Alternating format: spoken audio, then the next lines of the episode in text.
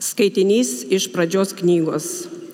Viešpats kalbėjo Abramui, kelkis iš savojo krašto, iš savo gimtinės, iš tėvo namų, į šalį, kurią tau nurodysiu. Iš tavęs padarysiu aš didelę tautą, tave laiminsiu, tavo vardą iškelsiu. Tu būsi palaima. Aš laiminsiu tuos, kurie tave laimins, o kas tave keiks, tą aš prakeiksiu. Per tave bus palaimintos visos žemės giminės. Tuomet Abramas išsikėlė, kaip viešpats jam buvo paliepęs, su juo iškeliavo ir Lotas. Palikdamas Haraną, Abramas turėjo 75 metus. Jis pasėmė žmoną Sarają, sunieną Lotą ir visą turtą, kurį jie buvo įsigiję. Taipogi Harane turėtus šeiminykščius. Jie iškeliavo į Kananą ir atvyko į tą kraštą. Abramas perėjo per kraštą iki Sichemo vietovės, iki orakulo ažolo, tame krašte gyveno kananiečiai.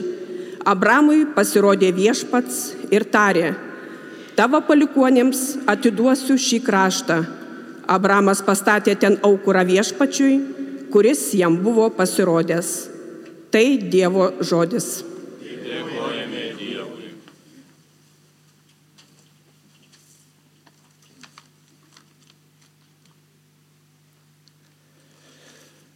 Mano siela šlovina viešpatį, mano dvasia džiaugiasi Dievu savo gelbėtoju. Mano siela šlovina viešpatį, mano dvasia džiaugiasi Dievu savo gelbėtoju. Nes jis pažvelgė į savo nuolankę tarnaitę. Štai nuo dabar palaiminta mane vadins visos kartos, nes didžių dalykų padarė man visagalis ir šventas yra jo vardas. Mano siela šlovina viešpatį, mano dvasia džiaugiasi Dievu savo gelbėtoju. Jis maloningas iš kartos į kartą tiems, kurie jo klauso. Jis parodo savo rankos galybę ir išsklaido iš didžios širdies žmonės. Mano siela šlovina viešpatį, mano dvasia džiaugiasi Dievu savo gelbėtoju. Jis numeta galiūnus nuo sostų, jis išaukština mažuosius, alkstančius gerybėmis apdovanoja turtuolius tuščiomis paleidžia. Mano siela šlovina viešpatį, mano dvasia džiaugiasi Dievu savo gelbėtoju. Jis ištiesė pagalbos ranką savo tarnui Izraeliui, kad minėtų jo gailestingumą kai buvo žadėjęs mūsų protėviams, Abraomui ir jo palikonėms per amžius. Mano siela šlovina viešpatį, mano dvasia džiaugiasi Dievu savo gelbėtoju.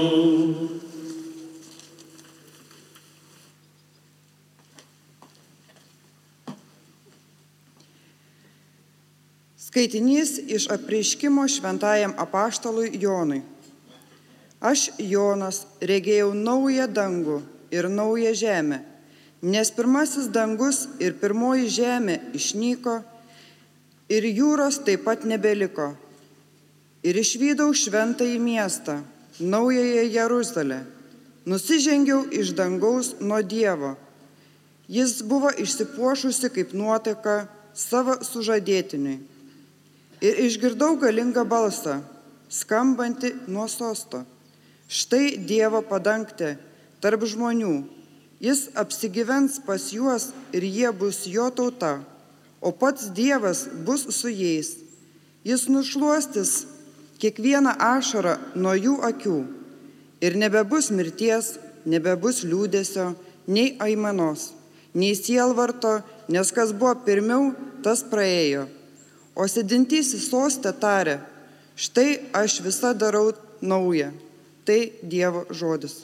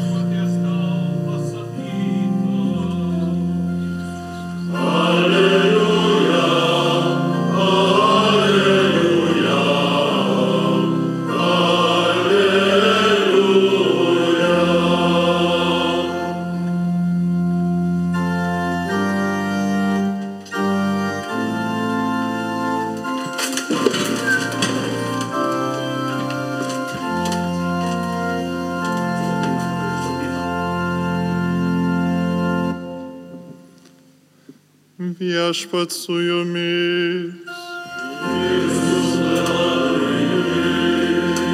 Iš Ventosios Evangelijos pagal matą.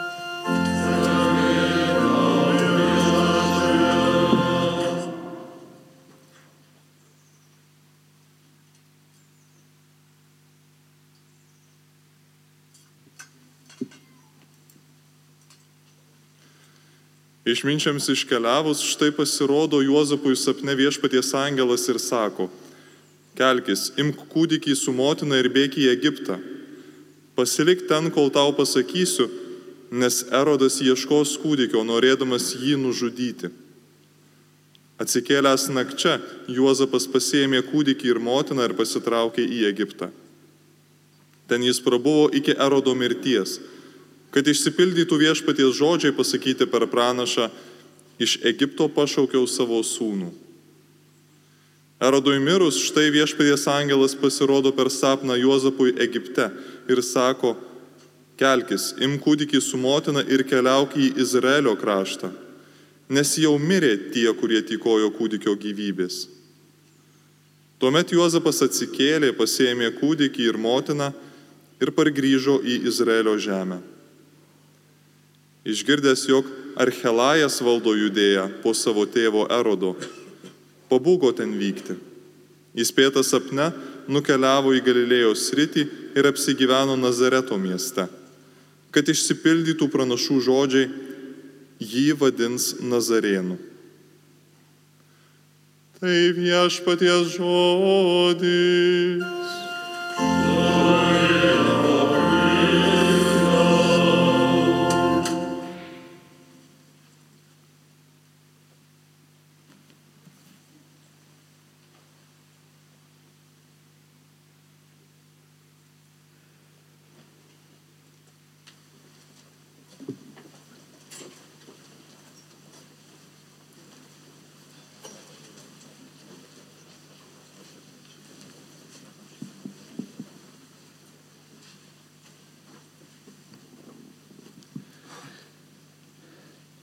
Mėly Šilvos piligrimai, šiomis dienomis švenčiame švenčiausios mergelės Marijos gimimo iškilmę.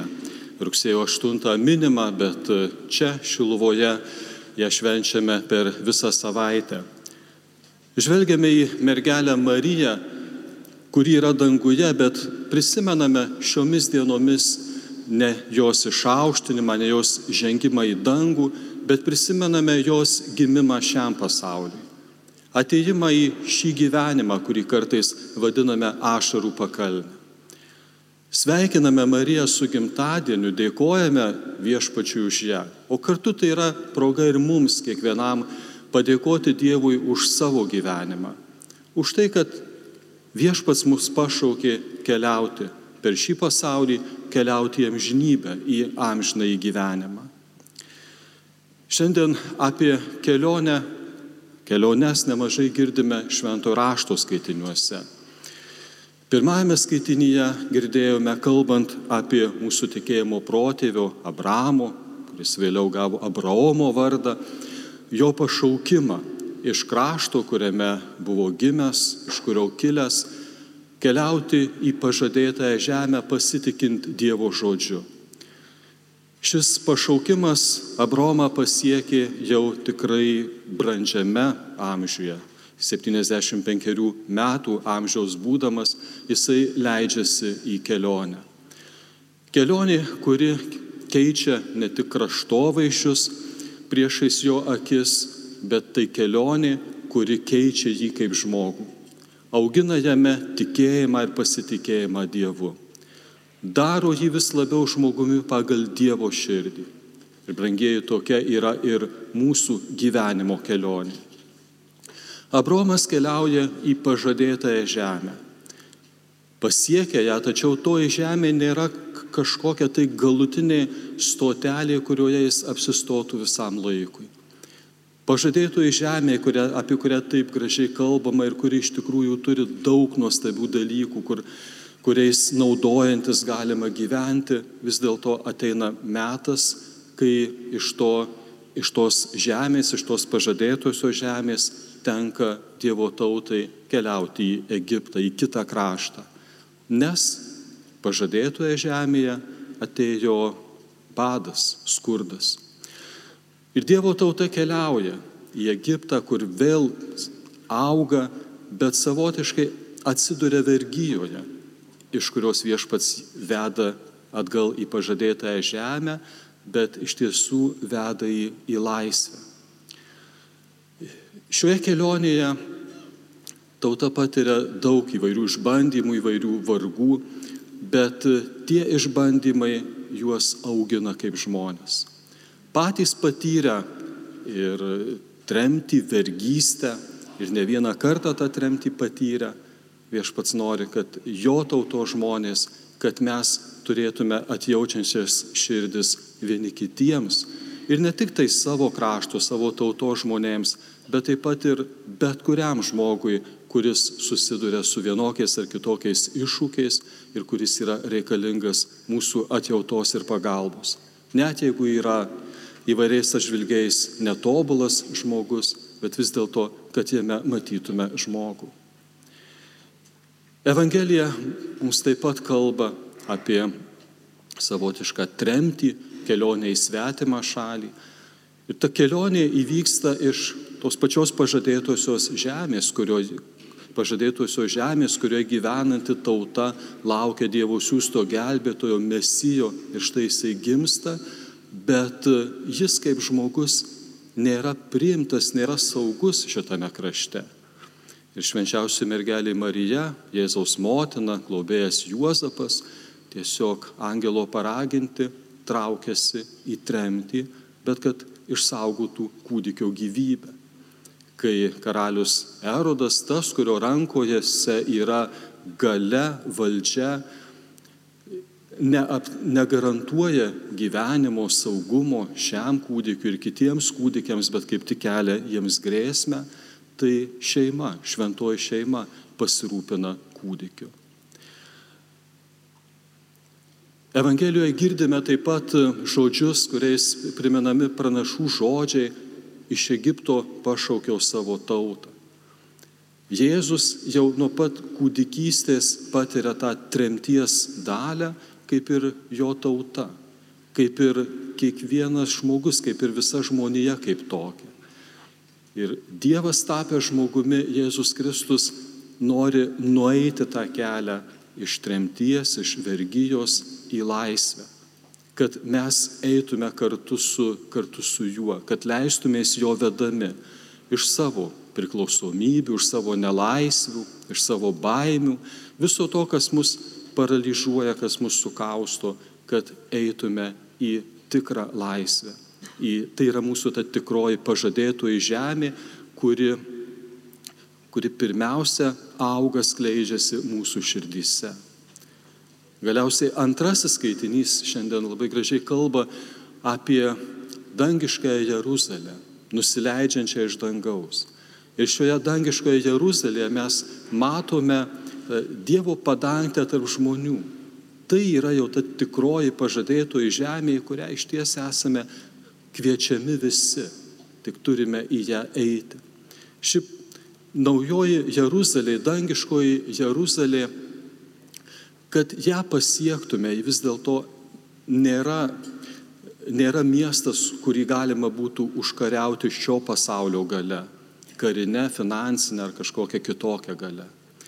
Į šį miestą, į šią dangiškąją Jeruzalę įeina laisvo širdies žmogus, atsiliepiantis Dievui, girdintis jo balsą, mylintis, mylintis Dievą ir žmonės. Tai yra kelias į dangiškąją Jeruzalę, į mūsų visų galutinę tėvynę.